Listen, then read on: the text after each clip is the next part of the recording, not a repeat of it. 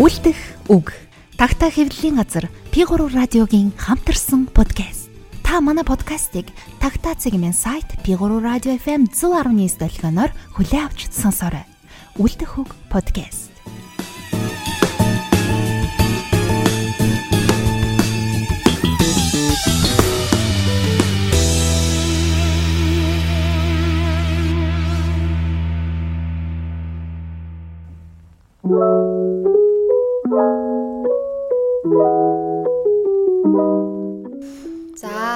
За, Такта Publishing-ийн Үлдэх үг подкастын шин дугаартаа уншигчдаа урья.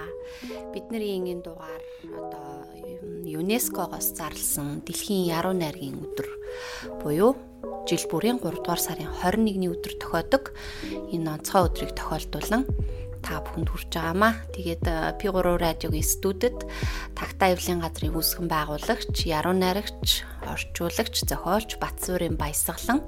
За мөн Тагтаа эвлийн газрын орчуулагч, редактор, яруу найрагч Мөнх цолын Батбаяр аа мөн Тус эвлийн газрын ерөнхий редактор Дэлгэрмаа гэд ингээд миний бие гээд гурван хүн сууж байна. Хэлээч. Аа тийм би бас яруу найр. За тэгээ бид гурав өнөөдөр э, дэлхийн яруу найргийн өдөр юм чи мэдээж яруу найргийн тухай ярина, сайхан шүлгүүд уншина. Тэгээд ийм подкастаа эхлүүлж байна.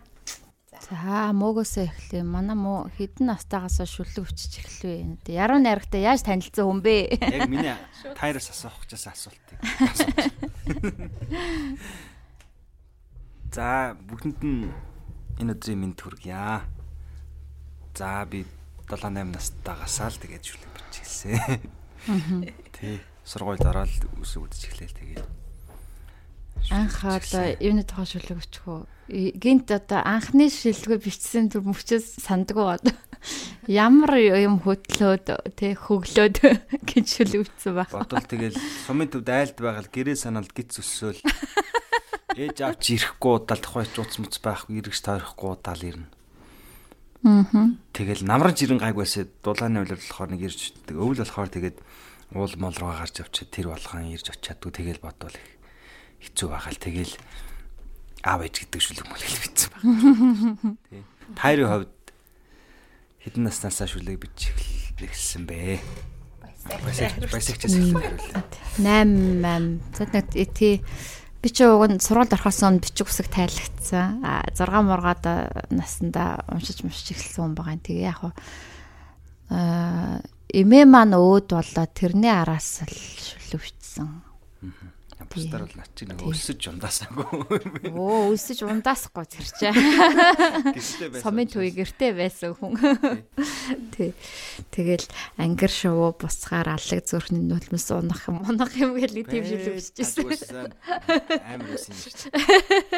Анхны шүлэг. Дэг их чи яах вэ? Би болохоор бас гэтээ би бол таараас хойж үгтсэн юм байна нөө гэдэгхгүй юу Би яг дөрөвдүгээр ангид байсан баха. Манай их чи оюутан болоод нөгөө оюутан болоо явдаг байхгүй юу. Тэгээ ингээд игч маань одоо яах ч гэсэн игч нь одоо ингээд орчуулагч мэрэгчлэр сурах гэж байгаамаа. Игч нь одоо ингээд 4 жил сурсны дараа а орчуулагч болоод ирнэ гэж ярьсч би тэрнээ сургуулаад би одоо ингээл ямар мэрэгчлэлтэй болох юм бол мол гэж бодож ирсэн яг тийм мэрэгчлийн тухай шүлгэж чижсэн. Тэгэд миний хамгийн хөөрхөн олзуурхдаг юм зүгээр тэр дотор нэг хөөрхөн нөгөө аав минь намайг зохиолч болоорой гэлээ гэд чилүү нэг тийм мөрөөдийг би сандгийн тий тэр айгу хөөрхөн зүгээр бэлгшээлтэй санагдчих. Тэр мэрэгчлүүд дундаас бас тий зохиолчийг бас онцлоод. Аа. Тий тэрнээс нөгөө хүүхэд тахтай гэхдээ шүлэг унших амар дуртай байсан. Би бас нөгөө намайг ах надаас 3 ахaltaа ахыг сургуульд орж байхад би хажуунаас нь нөгөө цэцэрлэгт явдаг хүүхэд өнгөлцөөр аваад баг ахаасаа дөрүүлж уншиж сураад. Тэгэл баахан л шүлэг өмүүлэг үлгэр мүлгэр бас их эрт уншаал тэгээд ер нь яруу найрагт ихтэй айгу унших айгу дуртай байсан. Тэр нь яваа явандаа яруу найраг руу хөтөлсөн бах уу. Аа. Тайрын хамгийн анх одоо уншаад их гайхчихсан та нарыг яруу наригттай ховстон татсан тийм шүлэг яруу наргийн төвөр яруу наригч гэвэл хэний нэрлэх вэ таяр ямар байдлаар учрал тохиолоор одоо тэр номыг олж авч уншсан бэ? За миний хувьд л яруу найраг шууд анхны одоо яруу найраг шүү. Баг Монголын нүд товчоо шууд санагдчих шүү. Ингээл оддоо тэнгэр орчиж олон улс хөрвж орондоо орох завгүй олцлолтон дайтаж байв гэл ингээл явхаар яг тэр энэ яг одоо юу гэдгийг энэ яруу найрагч юм ингэж танихгүй ч гэсэн тэр бичлэгийнх нь нэг гайхамшигтай юм нэг айгүйх татдаг. Тэрэнд их автаж уншдаг байсан юм шиг одоо бодохоор дандаа тийг санагдаад тий ер нь. Тэгээд тэр үе нөгөө хуучны сургаалын зохиолууд ч бас дандаа шүлгэлсэн байдаг шүү дээ тий. Магадгүй тэгжл анх яруу найрагта яруу найргийг мэдэрч исэн баха. Би чинь нөгөө нэг эрт бичиг үсэг тайлхсан. Тэгээд тэр үед ном байхгүй. Тэгээд дандаа манай аав дандаа бидэрт би би би цохмох гэж сонин захиалж өгдөг байсан. Тэгээ ер нь нэг ном унж бичиг үсэгтэй хүн байна нэг ном олж уншия гэж бодоод. Тэгээд манай нөгөө сумын нөгөө соёлын төв гэж нэг юм байдаг шүү дээ тий. Тэнд одоо нэг номын сан байдаг дуулдаад байдаг байхгүй. Тэгээд нөгөөдгөө нэг өдөр амар салхитай өдөр би айгуу сайн сандээ нөгөө нэг соёлын төм дээрээ тавьд очсон чинь бүгд таалган цоочтой. Тэгээд э, тэр номын сан гэдэг номын сан орон нутгийн музей гэсэн хоёр хаал хаягтай нэг хаалга байсан байхгүй. Тэгээд тэрнийхэн цонхоор харсан чинь орон нутгийн музей нэг бахан хонь монны чихмэлийн ард нэг өөр жижигхэн өрөөнд бахан хонь мон дээр мэрний чихмэлийн ард нэг жижигхэн номын нэг 50-өр байна. Тэн дээр нь хитгэн ном шидчихсэн. Тэгээд тэр нь л одоо манай сумын номын сан болж таарва.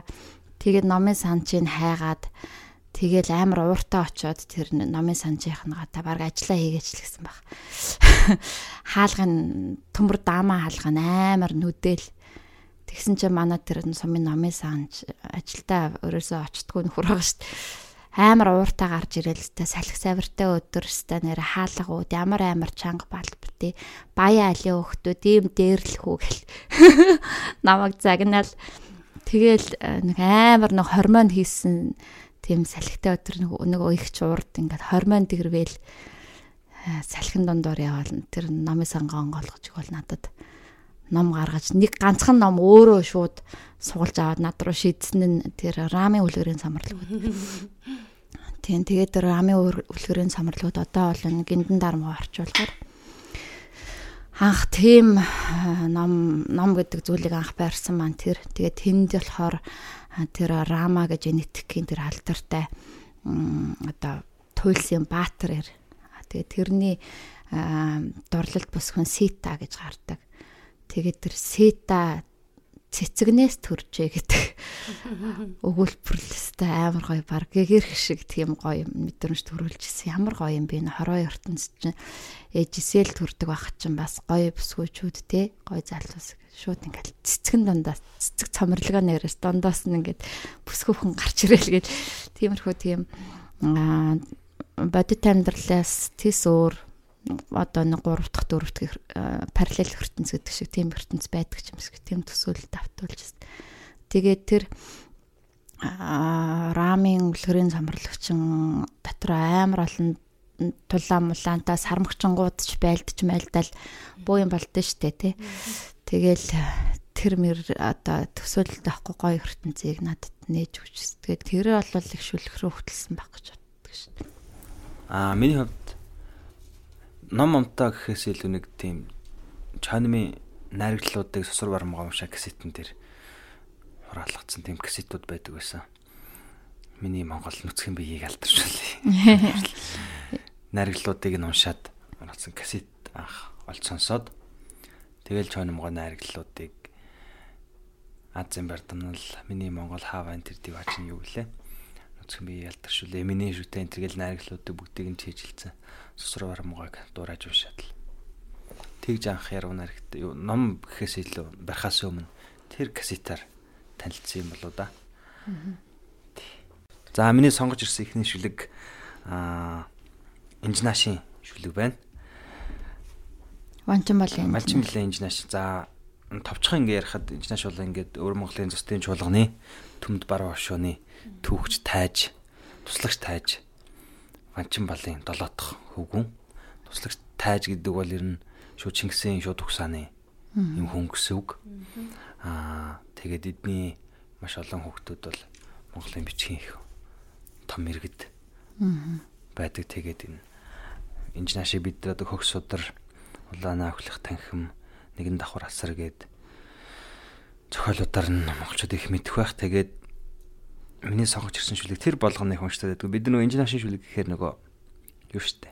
Тэгээ тэрнийг хүний сэтгэлийг тэг хөдөлгөж ис чадваас хөнгөн бэрээ хөшхийн хэрэг юм гэдэг нь их гоё тийм тунхаг юу юм шиг санагдаад байдаг байхгүй юу. Тэгээд нэрлэг хөлөөж чадахгүй бол ингэдэг юм бичээд яах вэ гэсэн бодлыг ингээд тэр хоёр мөрөн дандаа ингээд сануулж яадаг. Тийм учраас энэ хүний ийм шүлгийг сонгож ирлээ. Яв нэрг өдрлөөр. Зажны үсэнд херуу туславаа зовоод бас яахав. Зайг ирэн шүлэг бичиж үчийн бүрийд дуулъя. Завшаана зулыг хайчлан хуучин дэвтрийг дэлгвээс зажлах тутам амттайхан боловч залгих уйст гашуун. Үчийн хур цонхыг дэлдэж хулдсан цаас цоохор өглөөний жихүүн өвчүүнд нэвтрээд өрт сэтгэл илэгсэг өрнийн салхин нэгэнтээ үлэн цэцгийн улмас асгарах үед өнгөрсөн туслууд мөс шиг мөхлөг болгон дүүрэн. Оо ингэсэгт охид хүүхнүүд арчуур сакс бариад ом бүр мөрөөдхийн учрал улаан буурцаг тармуй ой булгийн хаварт уйрах хүл унарын зочин онц сулд улаан буурцгийг эм болгон түүмүй. Хаашааш бараан сүудэр зүүдний дотор нөхчвэд харанхуй гигэн шаад цонхноо уртаар сүрс алдмын хас эрхийвч урд жилийн хэргийг тухайлж мэдхүү хаврын хур намрын салхина чам луга нөхөрлмөй энэ сонгос ихний шүлэг ямар шүлэг вэ? Улаан бурцаг гэдгсэн чи яг өстой улаан бурцаг санаанд бол улаан бурцаг мэдэн тий. Нөгөө мангасын бурцаг гэж яадаг. Тэр нэрэлт юм. Манай нутагт мангасын бурцаг гэдэг нэг амар өргөстэй мод байдаг аахгүй улаан юм улаан юм хатуу жимсэрхүү юмтай. Тэгээ тэрийг нунтаглаад даралт маралтанд айгуу сайн. Тэгээ тэр бурт тийм бурцагтай мод амар өргөстэй. Тэгээд тэр яга мангас гэж нэрлэдэг вэ гэхээр ойр тойрноор нь явсан хойно ямаг ингээд бариад тавдаг аахгүй амар нэг өргөстэй учраас. Тийм тэгээд нөгөө хойно ямаач хойно голтоо орооцолцсон. Тэгээд мангасын бурцагны хайж байгаа өнгөрөхөр ингээд жимс нь улаарад тэгээд доогоороо ингээд цайраад энэ тэргээр явсан нөгөө хоньныг байрсаар байгаад ноос хөвгөлрөө цайрцсан тийм. Тэгээд тэр санаанд нь. Цагаан бүслүүртэй улаан юутай. Тэгээ мангасны бурцаг даралтан сайн гэдэг имэдэ дандаа нүдэж өгдөг байсан. Тэр санаанд орлоо. За тэгээд энэ мангас гэдэг би орчуулсан. А 24 настай залуу хүүхдийн шүлгэлдээ энэ Алжирийн 18 Сала Бадис гэдэг амьдралын хэмнэл минь алдагджээ. Чинийхээ суугаа газрын цагтай өөрийнхөө биологийн цагийг таарууллаа. Завгүй гүйж авах үеэр чинь би. Цагийн бүслөөр дамнан сунах цагийн зурүүн дээр тритл хэвдээд дугчирч өгнө. Бидний дунд нижгээд төв, нижгээд далаа, олон нам, олон ховж ив, интернетийн хурдаа шалтгаалan ас чунтрах, игээ бас гар утасны минь зайд суух хүртэл амт хэсэх хайр минь би. Технологийн зай суумагц, чиний шаналл гэж нэрлдэг мангаст хоёр бие тушаанд бид. Над руу илгээс нь дүүрэн намтай хайрцагч нь хараахан ирээгүй л байна. Газар зундын тэнгист хөвж яваа хүлгүүдийн аль нэгнийхэн зүрхэнд хадгалаатаа яваа бидтэй гэж шууд нь тэр тайтгаруулна. Тэр хүлгэнч бомдд газар таагүй л байна. Хуучнах шиг далаан дээрмчд хөвөрсөн бол уулгалж очоод булаагаад иргсэн. Одоо яа гэхв.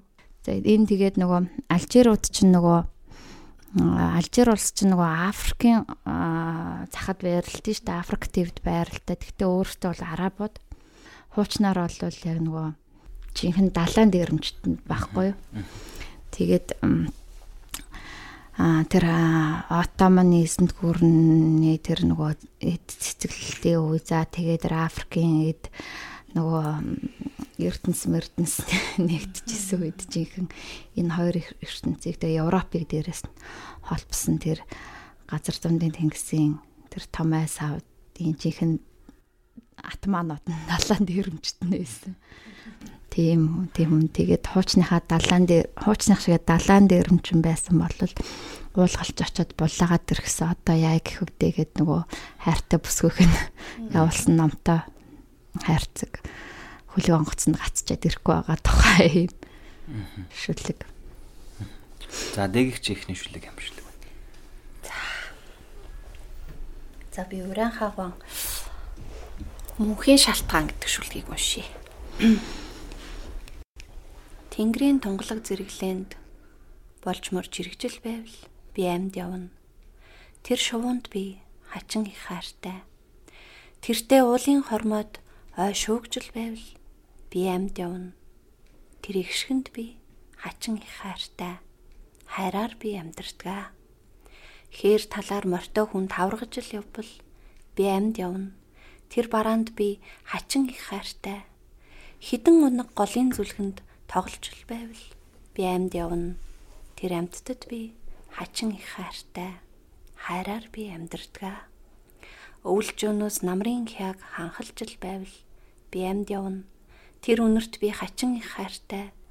Өвлийн шуурганд дуруудсан мал бүрэн хонжил байвал би амьд явна. Тэр баярт би хачин их хайртай. Хайраар би амьдэрдэг. Тоон эртний Монгол гэрт гал шаргалтчл байвал би амьд явна. Тэр амгаланд би хачин их хайртай. Толгодын намжаа оройгоор зам зурайч л байвал би амьд явна. Тэр аниргүйд би хачин их хайртай. Хайраар би амьдэрдэг хаврын үдэш гадаа бороо шивэрчл байвал би амьд явна. Тэр шивнэнд би хачин хайртай. Харц хөлчин гамраг цээж налаад сууж л байвал би амьд явна. Тэр амьсгаанд би хачин хайртай. Хайраар би амьдэрдэг. Аялгау содон монгол хэлээр хүмүүс ярьж л байвал би амьд явна. Тэр хэлэнд би хачин их хайртай. Ариун нь мөнх монголоор дэлхийд дутчил байвал би амьд явна тэр оронд би хачин их хайртай хайраар би амьдардаг. Би цуг орчлонд мөнх амьдрах шалтгаантай да. Би яагаад ч үхэхгүй тэнгэр гэрчлэн. Зүгээр л яач юм сай бодож ирсэн нөө нүрэнхаа гоё шүлэг айгуу гоё. Утга төгөлтөр юм шиг санагдаад ихэнд нь уушмаар санагдсан юм аа.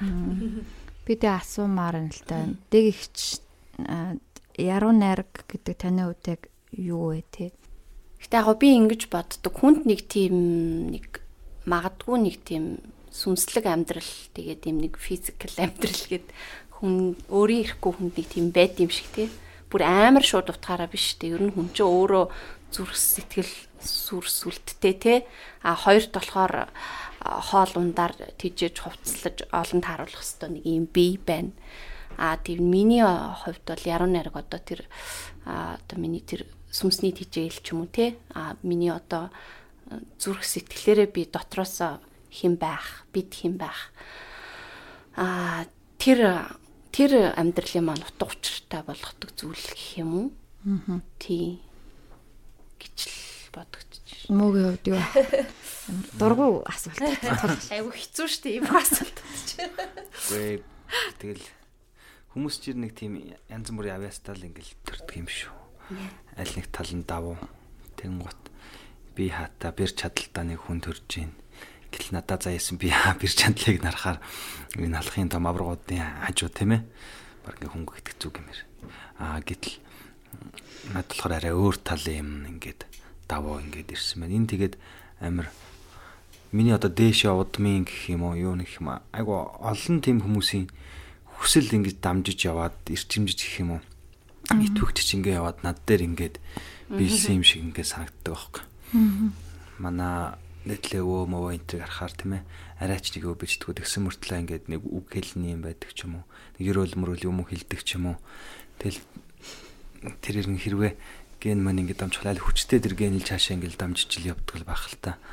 Байгалийн шалгалаар гэдэг шиг бас дотор нь ингээд цаашаа л хүчтэй нь ингэж яваад Тэгээ тэр олон дээдлийн тэр хүмүүсийн ботсон ингээ хүссэн мөрөөджсэн тэрний хүсэл ингээд дамжиж явж байгаад энэ над дээр ирээд биелж байгаа юм шиг ингээд надаа ингээ санагтаад идэв. Тэгээ тэр юм болов гэж бодоод идэг. Өвөө өвөө юм ээ тийм ээ. Манай дээдлүүд минь бас юм хүсэл байсан баг. Тэгэд биелээгүй яагаад ингэж бодож байгааг ч нэг бодоагүй тэгээ тийм нөхцөл тийм тохиолч бүрдээгүй тэр хүмүүст сургууль соёлд ингээд явах хот хүрээ баг ороогүй л тэгээд насыг барсан тийм хүмүүс шүү дээ. Тэгэхээр хот хүрээ орох, номын цаанд суух гэдэг юм уу? Энэ Монголын олон яра нарагчны хүмүүстэй уулзч уучрах тийм тохиол тийм юм бүрдэж өгөөг тэгээ тэр юм над дээр таарж бүрдээд энэ дээр ингээд тэр олон хүмүүсийн одоо бидний цуснд байгаа гэх юм уу гэнэ байгаа гэх юм уу тэр хүсэл ингээд надаар дамжиж над дээр ингээд биелж ингэж бодогдоод иддэг болсон. Аа. Тийм тиймэрхүү л юу болов. Таны хувьд юу вэ? Би бол одоо таяр хариулт нийлүүлэл яруу яруу найрагч биш л дээ зүгээр ямар нэгэн одоо нэг авиас гэдэг зүйл бол тухайн хүний сүнсний хөрөнгө юм байна гэж бодоод байна л да. Тий, тэгэл тэрийг нь одоо орчин үеийн шинжилгээ ухаар ген гинөө тэгээ бүр амар сүнслэг байдлаар тайлбарлана уу эсвэл яна хамаагүй зүгээр ямар ч байсан яг нь бид нар нэг юм өгөгдөлтөд төрж штэ. Тэр өгөгдлийг ингээд одоо талхны хөрөнгө шиг ингээд те. Эс эсгээд амьд байлгаад. Тэгээд ингээд тэр маань биднийг тэжээгээд магадгүй бид нар бас тэрийгэ улам эсгэж тэжээгээд ингээд явдаг юм шиг зүгээр санагдлаа. Түнс надад өөрт маань бас амар яруу найр гэдэг янзын тогтсон хариулт байхгүй. Тэгвэл хүмүүсний бэр хүчтэй төрдөг шиг. Зарим хүмүүс амар юм засах масах байста төрдөг шиг гарын уртаа дархан мархан төрдөг ялгаагүй. Тэгэл хүн болгонд нэг цаанаас нэг юу хоол олж гэдэг ч юм уу тиймэрхүү мигэн бас ингээд байгалийн өгдөм шиг санагддаг шүү дээ. Бид нар бол ингээд амьтныхаа зөв мөнгөөр амьдрахаасаа ингээд өнгөрсөн хүмүүс шүү дээ. Тийм ээ араатай амьтан шуу бол тэгэхээр зөнгөөр зөнгөө тагаад ирэхэд амьдарч тийм ээ. За миний сонгосон хоёр дахь шүлэг яруу нарагч болохоор гомбын сэрод гэж Ай дээрээс явж яруу нарагч байна. Цаг үеэр цаг хугацаагаар нь Тэгээд энэ хүн Сэлэг аймагт төржээ. 1917 онд төрсэн байна. Тэгээд 23-х наслсан байна. Аа. 17 онд төрсэн. Тэгээд их зүй амьдрал тулсан, их ядуу гуцуу явсан. Тэгээд тэрний хааж байгаа хэрэгтэй тэр бадам яг гээд тэр дацанд тентгий ламын нэг адуу мал, хонь мал харж яваа. Тэнд би чи үсэг сураад Улаанбаатарт орж бас сургуульд суугаад хааш бүрээдийн бас нэг сургууль бас ингэ төгссөн юм байна. Тэгээд энэ буйны мөхгүй антер хичээл ном заалгаж яваад ингэж явж байгаа 40 онд буюу 23 наснаа Дорнот аймагт багшилж хагаад хүн дөвчнөр нас барсан. 23 настай. Бүртлээ маш гоё яруу найрагч байгаа. Энэ хүний намар гэдэг шүлгийг сонгож ирлээ. Цацаглан сүхсрах ногоон хяг сэрүүн хонгорсэлхнэ. Цалиглан уйлзэх нэлэнхүй хөдөлгөөнөөр далайн давлгааг дүрслээд Цавдартан ухаарах дэлхийн хөрс ногоон хуйга тайлж царцаахан час час хийх төмөрлөгдөө намрыг өрн шагширна. Туняаран харагдаг жагаараас алтан гэрэл гэлбэлзаад тунгалаг дэлхийн ховлонгүй өнгийг ташуу туяагаар гийгүүлнэ. Туйлзан сэнгэнэг сэрүүн урсгал ертөнцийн гаднахыг гэлбэж товшрон донготох харийн шувууд хархийн дууг сонсгоно. Байгалийн улирлаар хөлжин зохицолсон гоёмсог цэцгийн дэлбэ. Балын шимийг салхинаа хийсгэж шарлан өнгөөр ховлаад баясгалант зуны яруу улирал алгуураар урсан өнгөрч балчигт намрын нэвтэрмэл усан агширн шүүрч хөрслөн. Цавглан хөхөрсөн сэмжин үл мөнгөн хөшиг татхууя. Цаламгүй алдсан цэнгэл зуныг түүний доогоор сарвчлан. Цайзлан өнгийг хадуул хухаарсан мэт харагдан цавчих нүдний алс үзүүрт хуурмаг зэрэглээж ирвэлцэн компенсерод гэжээ. Дүрслэл бол өстой тасархаа юм тий. Өстой гоё тий. Бидний одоо харж байгаад ингээд хэрэглэтгүүг харж байгаад яг нүдэн дээр харж нүдэн дээр харж байгаа бичсэн байна л дүрслэл бол үнэхээр гайхалтай тийм. гайхалтай гоё явж. Тий. Компенсерод тэгэхээр залуу цагаад айгүй тийм гоё цогтой нүдтэй тэр зураг нь нэг л зураг байдаг. нэг л зураг байдаг тий. Чаан халдсан толгойтой тий. Яаж яваач нэг зураг авахулах боломж олцсон. Хүнтэй дээлтэж яддаг л яадаг лээ тий. Тэр нь Тэр гэрийн боорин гэдэг үлээ арчуулганы хүн гэдэг үлээ юм баруун харагийн ойрхон тэнд байт юм байлээ. Бигтээ тэр жил баруун хараад явж хат очиод одоо эндээс их ойрхон гэдэг жисэн. Тэгж байгаа нэг очноо л гэж бодод. Тэр нэрэд нэрэл намраар очихоор тэр юу юм бэлээ. Тэр авийн газар нэрэл царцаа царгсан тийм л. царцаахан төмөрлөг дуу гэл тий. Гоё Цар цар гэж байгаа. Цар цар гэж байгаа юм нэг. Онцтой тийм гайхалтай. Гоё. За таяр дараагийнхаа шүлгийг унших. А би энэ саяхан орчуулсан шүлгээ уншижээ. Гадны шүлэг уншиж таньж. Америкийн зохиолч Raymond Carver гэдэг Carver-ыг болохоор бид нар хүүрнэл зохиолоор нь илүү сайн мэддэг. Тэгээд энэ өөрөө бол маш гайхамшигтай яруу найрагч байсан. Тэгээд Уй гэдэг шүлэг нь өглөө эртээс ирээд орон дээрээсээ Тэртээ далайн хоолой морилцах усыг сөрөөд ганц жижигхэн зав хөвж явааг харц өргөн удаан ажиглаж хэвтлээ. Тэгээд Перужагийн намхан толгодын орой дээрээс тэнгэр болсон эхнэрийнхээ нэрийг хашгирч зогсдог. Хоолны ширээ засах бүртээ ёс олгож хол отсон түүндээ тавг сэрээ заавал тавьдаг. Гэргэтээ цэвэр агаар амсгалуулах гэж гэрийнхээ цонхыг өдөржин нээж орхидог. Муу найзыгаа сандлаа. Хоосон ийм аяглал хэн тэрэгтэй юм гэж баахан аяг үздэгсэн би. Бусад найзууд нь ч тиймэрхүү өгс буруу хараад унаачл байдгсан. Хөөх юм нь юу бодож тэгдэг байсныг нь энэ өглөө хүртэл ойлгохгүй яв шүү.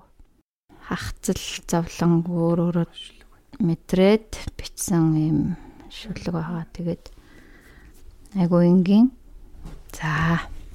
Та нэг хичээлж За за би болохоор энийг уншнаа. Энэ хүн болгон мэднэ л дээ. Гэхдээ яах зүгээр дэлхийн 18-гийн өдөр тэгээд хаврын үйлрэлт гой тохиодог. Манай 3 дугаар сарчиг оюунлаг сар гэсэн зохиолчдын өдөр болдог. Аа яруу найргийн өдөр болдог. Театрын өдөр болдог. Тийм гоё сар. Тэгээд хараахан 4 дугаар сар биш ч гэсэн би энэ 4 дугаар сарын тухай шүлэг а нөгөө орчуулагч хийний их баярын орчуулга хүмүүс мэдэндээ хятадын 18 аргачлалын хуйны чи бол хүмүүсийн дундах дөрөвдүгээр сар гэшүүлэг. Чи бол хүмүүсийн дундах дөрөвдүгээр сар. Инех дуучин дөрүн зүгийн салхи хөгжөөж элбдэх мэт дүлгөөн хаврын урсгал донд бүжсээр удна. Чи бол дөрөвдүгээр сарын өглөөний тэнгэрдэх үүл болоод манан Үүрээр сэвэлцэх салхи мэт тийм зөөлөн өөр юу ч биш. Зүгээр л өндөр танивчж буйод бас цэцгэн дээр тусалж буй бороо. Тайвшрал болоод ариусал чи бол тансаг цэцэгсээр сүлжсэн титэм өмсөгч чи бол цайлхан бас хүчрэхэг чи бол цагаан шөнийн дүгрэх саран хайлж буй цас мэт гэрэлтсэн шаранг чи бол хавар цагийн анхны нахиа мэт тунгалаг ногоон. Чи бол зүудэн тохилцохлын хуаг усны мантал мэт бүвэлэх зүрхэн доторх инхрийлэл. Чи бол энд тэндгүй дэлбэлж буй цэцэгс гүүр тойрон эрх дураараа жиргэж буй хараацай. Чи бол хайр халуун бас найдвар. Чи бол хүмүүсийн дундах дөрөвдүгээр сар. Энэ бол хүмүүсийг зүгээр гэгэлзүүлэх зорилготой бишсэн шүлэг шүү. Гэгэлдэж байна уу гэж. Мөгийн хамгийн хайртай яруу найрагчд гэдэг үл ямар яруу найрагчд байгаа. Зүгээр өөр чинь нөлөөлсөн ч юм уу эсвэл зүгээр данзангийн юмсар. Гарцаагүй. Одоо л яагаад гэсэн асуулт бас. Мэдгүй одоо их л Гүн нэг хайртай байдаг шилтгон. Гэтэ ингээд чинь социализмын үед л бас бүтээн тойрвж явсан тийм хүн шүү дээ. Тэгээд одоо тийм магтан дуулсан нам засгаа магтан дуулсан юм уу? Тухай их үдэл сортолтой ингээд автсан жилг айгу ингээд цөөтөө. Тэр одоо тийм юу цаг үед яаж тэгж өөрийгөө авч үлдэж ингэж яг яруу найраг гэдэг тэр зам дээр зогссон их одоо. Тэгээд түүнээс гадна тэр яруу найраг нэг гайхалтай шидтэй. Их тийм бидрээс дээгүр их өндөр мэдрэмжтэй тийм байгалыг мэдэрч байгаа тэр юм нэг өөр тийм хүн байсан. Одоо болтол ингээм уншаад яаж одоо надтай адилхан юм ус нүдтэй тусан зүрхтэй тийм хүний мэдрэмжийн тийм бууж ин гэхээр гайхаа тандг үлдээ. Тэрний гоё. Тэгтээ тайлагддггүй тэмшлэгүүдтэй. Тэр тухайн хүний л мэдэрсэн юу шүлэг байгаа. Мэдрэмжүүд байгаа. Учираас тэрийг ингээд ингэж ингэж бодоод ингээд харчиж ингэж ингэж тайлж ойлгох үгүй тэр зүгээр мэдрэх л тийм юм гарч ирдэг тэрүүгээр их гайхалтай. Надад болохоор нямсрангуй тийм оригинал юм гэж амарлаг юм байт юм бэ. Ингийн юм гэдэг үнэн юм гэдэг тэгээд тийм нүунийш нөлөөнд автаагүй юм гэдэг ямарлаг байт юм бэ гэдгийг харуулсан юм санагддаг шүү дээ. Уншаад уншаад ханддаг шүү дээ. Өөрөө тэр нэг байгалаа байгаль одоо сэтгэлийн байгалч гэдэг юм уу тий. Тэгээ хэлэхээр яг тийм байгаль шиг яг натурал байгаль ч угаасаа тийш штэ тий яг яг зүгээр байгаагаараа ширхэг өвс байлаа гэхэд хизээч аль нэг өвсөг жишээ дуурайж ургах боломжгүй тий. Тэгээ яг тийм юунд л амар анзаардаг бас надад болохоор бас тэгж. Тэгээ өөрийгөө одоо нийгэм цаг үеэсээ тэгэл тухайн үед чинь болорцсон молорсон айгүй өвчтэй байсан тий.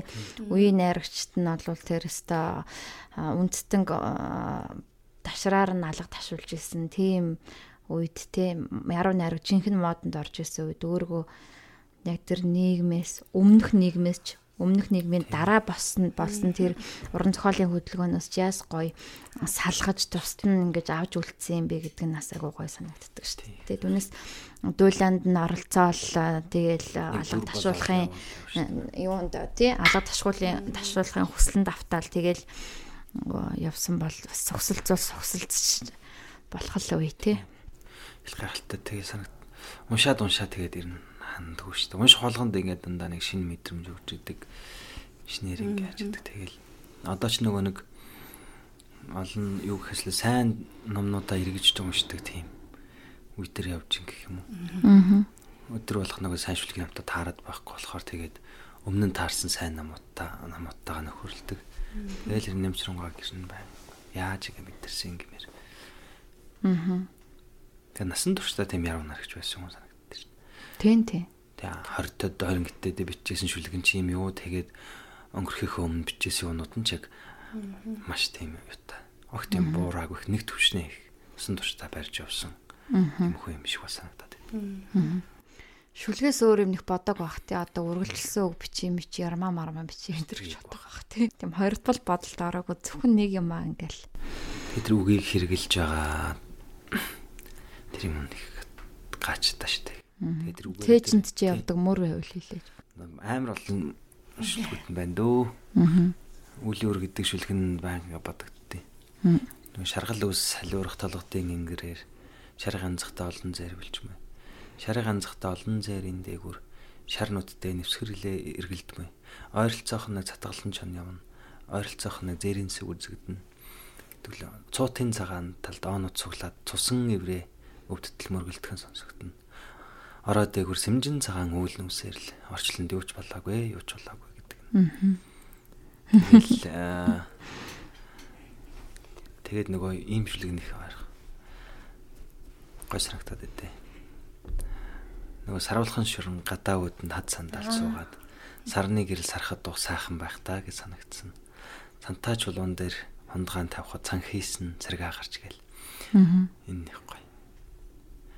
Тэг өчийн зүнзэн дээр сар тусахад өнөөгч болоо ингээд лаасаас мэд болоод гэдэг ч лөө тэр нь гоё. Тэгээ надад тэр нэг төмөр замын ингээд доогуур төгөлдөр цагаан үхэл амьдрал хоёрын юм ийм их ойрхон гэх шиг төмөр замын дэр модны ингээд доогуур төгөлдөр цагаан цэцгс нэлтэй ургасан байдаг гэдэг нэг их сэтгэлд их ойрхон маань их олон мөрүүд нэг санагданаа. Аа. Тэг их чи харт яруу нарч яах вэ? За би ч тэгтээ бас өөрийгөө анзаарсан чинь би ийм хүн юм бэлээ. Яг нэг хүнийг амар ингээд тастаж аваад тухайлан бас нэг их яадаггүй. Ер нь өөрийгөө харахаар яг нэг хүний нөлөө бишээ. Нэг хүнийг тэгж аахтар яадаг төрлийн хүн биш юм шиг үлээ.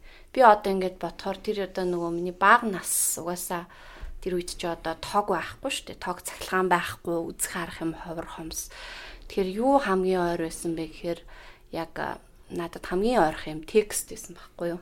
Ном, сонин ерөөсөө л Тэгэл би юу хараг тааралт нь уншиж явдаг. Тэгээд нөгөө ингээд а бүр янз бүрийн юм уншсан байдаг байхгүй юу. Энэ гоны ном мянган ононы цувралыг хүртэл тогтоогоод дүүдээ ингээд чийжлүүлж мэйжлүүлсэн. Тэгэл а сонины янз бүрийн бичвэрүүд тэгэл сонинд нийтлэгдсэн яруу найргууд те Тэгэнгუут зүгээр тэр дундаас яг нэг айхтар нэг нь онцлохоосоо илүү бас айгүй олон тэр үед бичижсэн төрөвчсөн хүмүүсийн бүтээлийг жигт айгүй хүртээд явж исэн юм шиг санагддээ дээ. Тэг яг арай нэг шүлэг мүлэг гадралдаг болж ирээд ингээд нөгөө аюур ах цувралуудаа хэвлүүлээд л дэлхийн яруу найргийг тоомлол Монголын үеийн яруу найраг мариг гэл ингэж хахад надад бол сүулт нэг эмгтэй яруу найрагч их чиг би айгу онцолж харсан байдیں۔ Тэр болохоор цэвлэгийн отхон жаргал ихч байхгүй юу? Ямар та нөгөө бэлэг сайхан багш намайг нэг дуудаад чи нэг дуртай яруу найрагчтай нэрлээ гэл тэгсэн чинь би ингээл аюур ах галсаах од гэрэл ах гэл ингээл нөгөө ах ихч нарыг нэрлж хагаад цэвлэгийн отхон жаргал гэдэг дунд нь тэгсэн чинь бэлэг сайхан багш гайхснаа. Бас энэ отхон жаргалыг олоод хилчж хагаад чинь би бас их олзуурхлаа шүү гэд нэг тэгжсэн. Тэгээ тэр үед юу н онцгой санагдсан гэхээр мэдхгүй нэг тийм манай нийтлэг 10 найрагтдаг айхтар уянгу аахгүй а бас хальт уншсан үнд нэг тийм орчуулгын ч гимээр ч юм шиг гэхдээ тэр хүний нэг айгуу тийм араншинтай яг нэг бас яг одоо нямсрунгааг ярддаг шиг нэг хүний өөрийн ялгарл идэв штэ тэ яг өөрийн нэг тийм төрлөх чанар нь айгуу тод тийм шүлгүүдийг би энэ тэндээс айгуу хоолж уншижсэн байхгүй юу тэгээд тэр их чиг магадгүй олон хүн мэдхгүй гэхдээ би ингээл бодоол яваад иддэг шүлгүүдэд нь айгуу дуртай отхон жаргал хичээг зүгээр нэрлэе. Тэрс байн уушаал надад баг нэг ном момч нэг байхгүй те. Зүгээр ерөнхийдөө хин юу бичдгийг мэддэг болохоор зүгээр тэр дундаас яг ялч хүнийг анхаарал татсан хүн тэр байсан. За дуртай гэвэл би даш балбаргууд ер нь айгу дуртай. Яг хуу даш балбаргаа өөрөө аа юу санааны хувьд ч нийгмийн амьдралын хувьд ч айгу өргөн цар хүрээтэй амьдрсан болохоор сүүл үе рүүгээ одоо яадаг чи улс төрчсөн эсвэл шашинтсан ч юм уу тийм юмнууд байдаг. Гэтэ цаад бас нэг тийм аа нэг хүнийх нь яг нэг яруу найргаар буусан тэр хүнийх нь юунд би бас дуртай. Тэр шүлгүүдэд нь дуртай. Өөрч одоо хэнийг хэлэхүү. Тэрс яг айхтар онцлоо шууд муу шиг нямсруу ах ч юм уу. Тэгээд хэлэхүү юу н ховрдоо. Тэгэл бүгднгийн юу н яг жигтхэн уншсан л хүний л юу л ахaltaа. Таашаал ахaltaа Тийм тэгж хэлээ дөө. Таны хувьд байсагч. Яруу найраг өөрөө тийм нэг аймаг хувийн юм болохоор яруу найраг яруу найрагч хоёрыг айгу өөр тийм салгаж ойлгож чаддгүй гэх юм уу.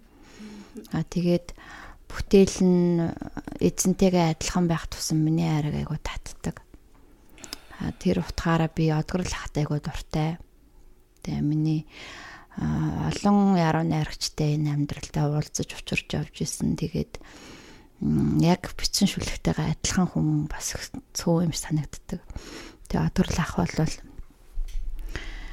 бичсэн шүлэгтэйгээ адилхан мэт явцав адилхан санагдчихсан хүмүүсийн нэг. Тэгээ тийм учраас одорлол ахад дуртай. Яг тэр утгаараа бас нацагт оржод дуртай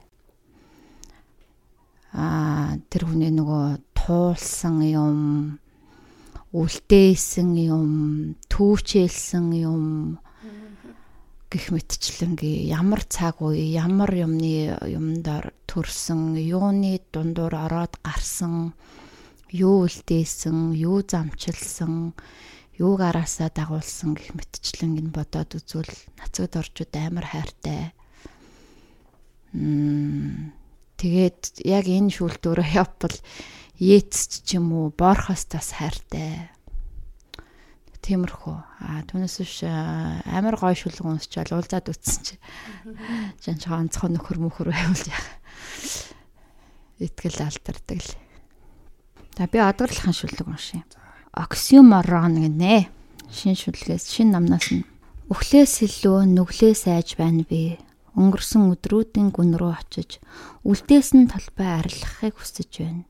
Өөрийнхөө хэрхийг өөрөө мөшгөж байна. Гэгэн цагаан өдөр олны нүдэн дээр хуйлдсан. Гимт хэргийн бүрэлдэхүүнгүй гэрчүүгүй хохирохчгүй гинтийн золгүй явдал шиг харагдуулах гээгцэн хаагдсан хэрэгүүдийг сохиж байна. Болцоод очиагүй хөнгөвтөр хэрэгүүдийн өрийг цайруулж хаяад явсан хэрэгүүдийн эрүүг одоо тулхна. Ач харуулаагүй гэмээр араас тагсан нохон ял асуун алт алт алтааг мөрдөгч гэрч тогтоол уншигч гав зөвч нь би илгийг нь юм уу зүрхийг нэртэй зүйлээр гимтээсэн ил гарсан хүзүү гар хорууг нь үрчлээс нүүдэр зүссэн. Инэрлгүй гимт хэргийн улмөр толб энд тэнд нь одоо тодорч ирэхгүй цаг хугацаанд цугларсан баримтын өмнө би хэрэгээ хүлээж байна. Өнгөрсөн намтар бүхэлдээ гэмтгэргүүдийн хавтас үхэл гэдэг эрдөөл нүглийн төгс нотлогоо хорхичинж болсон эмгэнэлт инээдмийн авдлуудаа тэнсээд хорвогийн тэмслийг амсаж идлэхгүй хор хялыг өөртөө оноож байна. За нэг юмруу. Яс турташлаг байна. Одгэрл ахын нөгөө сүлд номоо шинжилж хөвлүүлсэн юунд нь багтсан байгаа тий. Тийм. Эхний мөр нь айгу хүчтэй мөр санагдаад дээ. Хүлээс илүү нүглээс айж байна дөө. А араас нь дахиад энэ хүний нэг шүлгийг уншаа бүр яач. Миний л хайжин, миний жүүд 30 хэдэн онд ногоо малгаатай явсан 50 он гартал савхан хөрөмттэй хар Мариус МК унаад Оросд мандаж байсан. Одоо найз нөхдийн дунд алдар цуутай боловч аймхаа хулцгаар далдуур хутгах шивэр байгааг нь би мэдэрдэг. Лайчинжууд алинч мөнх биш боловч дурлал мөх гэдэг шиг мөнх. Та нараас би салах байсан ч салахгүй. Та нар бол шархан дээр асгасан давс ба хөшүүн амьдралын хужир юм. Эсвэл кантон маягийн хоормогт холсон гонжгор ногооны итгээ дамт юм. Тэд их дагнын сүмийн Кавазимата биш Торяны Парис юм. Илжигний арьс нөмөрсөн цөөвөр чоннууд юм. Өндөр богдын сойвон жамуухыг барьж өгсөн албатууд юм. Тэд гимшиж мэдэхгүй гэдэгт итгэдэг. Тэд буруу юм хийснээ мэдж байдаг. Тэд миний нэгүүлсхэн орон юм. Миний лайжин, миний дотор байсаар ирсэн. Миний гадуурч байсан. Миний дотор байсан учраас миний гадуурч байх болсон. Тэр хаа сайгүй энтгэг орох замд Киргизэд Нью Атаныгийн 10 давхартч байсан. Варшавын төвд хөлсний тэрэг барьдаг өвгөн пош болчихсон явсан. Тэд намайг сандарч явхад гарч ирдэг байсан. Тэд өөмөн самунгүй үед алиалагч шовдрууд жожиг гажиг эрс тайсны шүлэгч хакер мөнгөний тулан болчихсон явж тааралддаг. Тийм л хүмүүс хачирхалтай нь амьдралд баясгын шалтгаан болдог. Нэгэн жууд ган үлзээ нэртэй явахыг би мэдсэн юм. Энэ нь тэд ямар ч нэртэй байж болохын жишээнээс хэтрэхгүй юм да. Миний хайчин, миний жууд, миний төвчээрийн багш нар, миний нүдний гэм, миний нүдний эмч юм, миний салиар, миний моцарт, миний жамуухч мөн. Харин би чиний жууд, чиний лайжин юм. Хаанаас нь харахаас үл шалтгаалаад бид ийм болсон юм гэд манай өмч нөгөө буддын номд олон жилийн бэлсгас сууж байгаа болохоор тий энэ буддын философиг тэгээд юм ингийн амьдралын юутай ингээд айгүй одоо гоё сүлж ин гэх юм. сүлдэг тий тэр шүлгүүд нь Энэ шүлгийг юу гэж ойлгодог вэ? Би бас сайн ойлгодгүй мөртлөө айгу унших дуртай. Таалагдаад тий цаагаараа нэг тийм таалагдаад байдаг шүлэг байдаг шин. тий Гэсэн мөртлөө ингээд миний жууд миний лаажин гэж юугаар хэлж байгаа юу? Дандаа л эрдэм ном заадаг ч юм уу тий эсвэл одоо юу гэдгийг сайн сайхан юм заалцч өгөлцч авалсараа багш болтгүй юм санагдаж байна л та тий Муугар багш. муугаар муугаар ч гэсэн юм багшилж болдог тий үлгэрлэж болдог тий чи бол миний төвчээрийн багш гэдэг шиг тий тэгэхээр ертөнцийн бүх юм л бие биендээ ямар нэг юм заагаа цалдаг тий тэгээд тэгэхээр чи миний одоо лайжин тий тэгээд лайжин тий зүуд чи миний хорлогч өнөөдөр миний юу болж байгаа нь чи ямар нэгэн байдлаар надад нэг юм заагаад өгч байгаа. Нөгөө талаар би ч гэсэн чиний тий чинд ямар чиний лүж чиний жуу чиний лайжин гэдэг нь чамд одоо аа чи ямраар харахаас шалтгаалаад би одоо юу заах чинь тий За би урах төвшлэг биш. За нэмсрэнгаа ээжтэй очицгаая гэд. Амар ч төвшлэг. Энэ голын загас юунд яарн жирвэлдэж тэр шувуу тэнгэр таашаа нисэн юм бэ. Ээжтэй л тэд очих гэж явнаа гэж эргийн сүл өвсөлхөр над шивнэлээ. Ингэхэд хүмүүс минь бид ээжтэй эргэх дөрвөн үлрээд очисоор л байгаа гэж юу. Эсэргэн хаврын туул туулаа цагаан сардж ижитэйгээ золгосон нь тэмээн тоотой шүү. Гадаад дотоодоор зэрмэн явлаа л гэх юм. Ганган хэнтэр юмсыг нь шогширсоор л ирэх юм. Ганц хошуу ирээн давуу алчуур ээжтэй авцхаас нь гарын 10 хуруу тоолохоос цөөн шүү. Юу хийсэндээ ажил төрөл амжсангүй гэж ертөнцид ганц заяасан ижидээ худал ярнвэ. Үзэгслэн тонгор залуутай амралтанд байснаас биш. Үнэний зилэн дээр ээждээ тугал татаагүй улсаа бид. Эртэл хадамд гарцгаах юм да охид минь ээждээ ирж байна гэд явцхаас нь noloон. Үзүүрсгэн дээлэмсэж гоёод гарцаас гарцгаасан болохоор үүл манантаа уулын наан нь тэгжил ам гарчтэй. Алтан арганы үсээр гизгээ чимэх насмын холдсоор амьдрал химээх тэрэгний дугуй мөрөө үлдээсээрээ аав ээжүүдийн минь бие жилээр хүү сүүдрэн богиносоор амжиж одоо тэдэндээ очвол алтан зунаа хургатайгаа хариулнаа. Хөгжөө наадам дулаан сайхан орон байранд Хөхний хүүхэд шиг бид дэндүү нэлхарч дээ. Хөл хөдөлгөөн тэрэг төмрийн шуугаан тасаж хөдөөгийн байгаль ижи хоёроосоо төсөөрчдээ. Эргээд ирэхэд ижи гэр хоёр сайхан эртний дуу хуурын шиг төгөлдөрсмөөрөө ингэрт нь налаад хацраа үнсүүлэх олдохгүй хов эргээд хүүхэд болж ирэхлэх ховор заяа. Өөрийн гэр орон нөхөр хүүхдээ нэг орхиод өвлийн өглөө ээждээ өрхийн татаж өгцгөөе.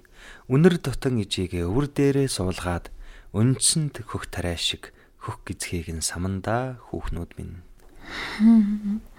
Үндсэн тарай шиг хөх гизхийг Тэр амар гой зүйлээ санагдаад байдیں۔ Үндсэн тарай шиг. Бууралтаад тий. Тийм хөх тэр цад бур болохоос өмнө тийм хөх болчтой ш сар бур сар толгойд бол. Тийм. Үндсэн тарай чинь тийм хөх тарай байдаг. Гайхалтай. За мөө өөр хашуулгыг уншаач. За өчтөр бичсэн шүлэг уншия. Хаврыг шиг. Улгатай ингрийн хөмсгөн хунгар унтаж хоцорсон унах шиг харагдаад урин ших хулирлын салхич ихэнд нь урдын домог шивнэн байх шигэ. Намар боож хураасан ногт имэйл хазаараа гаргаж дэлгэхүүл төрөө намрын хонин нүдэн гарч ирхэн дурсгалт хайрын захиа мэтээ. Тэгээд бас туслангийн бороонд норсон зүрийн хүзүүн цулбуураас өнгөрсөн зуны хур анхилсаар байх шигэ харих замаар хайлын ус морь татрах шиг үгээд хажуу ингэр тошлоо мод сүйэлж байгаа гэхээ сайхан бот руу овоолсон хөх цас сар шиг алга болсныг үзхүүе болцоо төрхийг дэрэгдэн сууж хармаар сонихон. Цэнгийн зил татах өглөө хаврын тэнгэрийг зүудэндээч боло бид бүгдээрээ үзэн. Цэлмүүн хаврын урин их шиг чэжин заагуур ингэж дуурсан өнгөрч яваа цэнгийн дуу үлдэх адил. Он цагийн их шиг сэтгэлд хөг болж хоцорно. Нартаас бутсан жилүүдийн хөгтөө хансуу явхад нандин дурдтгал тэгээд ахин ахин төрөндөө. Хайрлсан хүн магадгүй булаглууга адил болдог байх. Тэнгэрээс үрзүүлтэй нүүрэлтэхгүй болохоор тийм хүнд бусдаас болгоомжлох сэрэл үгүй болдог байх. Дэрэгдэн хүн дуулбал бялхаж, дэрэгдэн хүн уйлбал мэлмэрч, дэрэгдээс нь босоод явбал Тэнгэрээ ширтсээр үлдэж дэрэгдэн үлдсэн нэгэн тарин амсхын төдийд цангаа тайлах ариун усан мэт найр тавьдаг байх. Өөр яахчгүй. Өө яахчгүй. Мөнөөхөн булгийг химбэр булангартуулавч зүрхэн мэт хөрстийн гүнээс ундрах зүйдэл үгүй тэнгэрийн тусал мэт усных нь мөн дүрн л хувиран үзэгдэхээс мөс чанар нь өөрчлөгддгүй байх. Уулс холтоо цэнхэртэн уулсын араар нарны тавьсан түүмэр намжиж улайдан минь говийн тэнгэрт устай ходог шиг ганц саран мэлтэлцэн. Ундаасан суух алсыг сэртэн суух усан шуугсан их далайн хувинд уймарчил суугаа болов найз минь бодогдно. Одоо ингээд чиний тухай бодох уу?